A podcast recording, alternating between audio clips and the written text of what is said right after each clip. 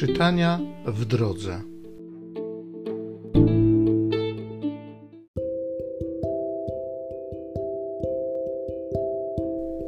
Z pierwszego listu świętego Jana Apostoła.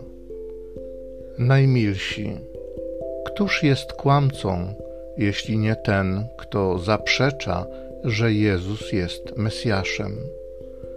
Ten właśnie jest antychrystem kto nie uznaje Ojca i Syna. Ktokolwiek nie uznaje Syna, nie ma też i Ojca. Kto zaś uznaje Syna, ten ma i Ojca. Wy zaś zachowujecie w sobie to, co usłyszeliście od początku.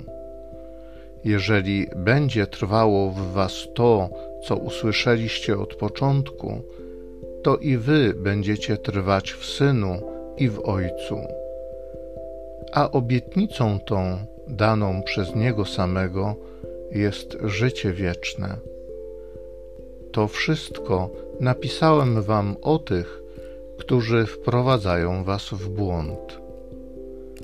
Co do was, to namaszczenie, które otrzymaliście od Niego, trwa w was – i nie potrzebujecie pouczenia od nikogo, ponieważ Jego namaszczenie poucza Was o wszystkim.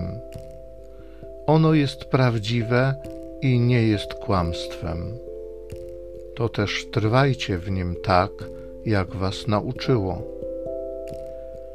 Teraz właśnie trwajcie w nim, dzieci, abyśmy, gdy się zjawi, mieli ufność i w dniu Jego przyjścia nie doznali wstydu.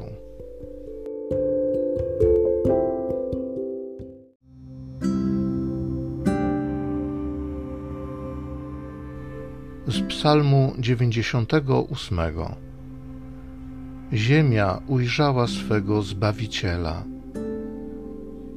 Śpiewajcie Panu pieśń nową, albowiem uczynił cuda Zwycięstwo mu zgotowała jego prawica i święte ramię jego.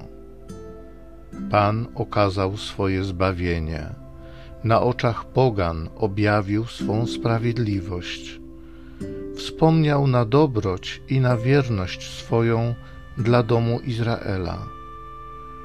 Ujrzały wszystkie krańce ziemi zbawienie Boga naszego Wołaj z radości na cześć Pana, cała ziemio. Cieszcie się, weselcie i grajcie. Ziemia ujrzała swego Zbawiciela.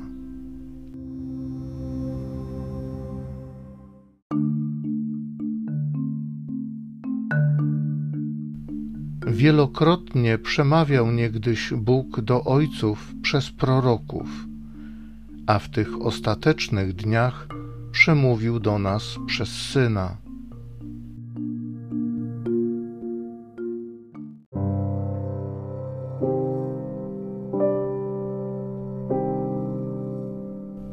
Z Ewangelii według świętego Jana.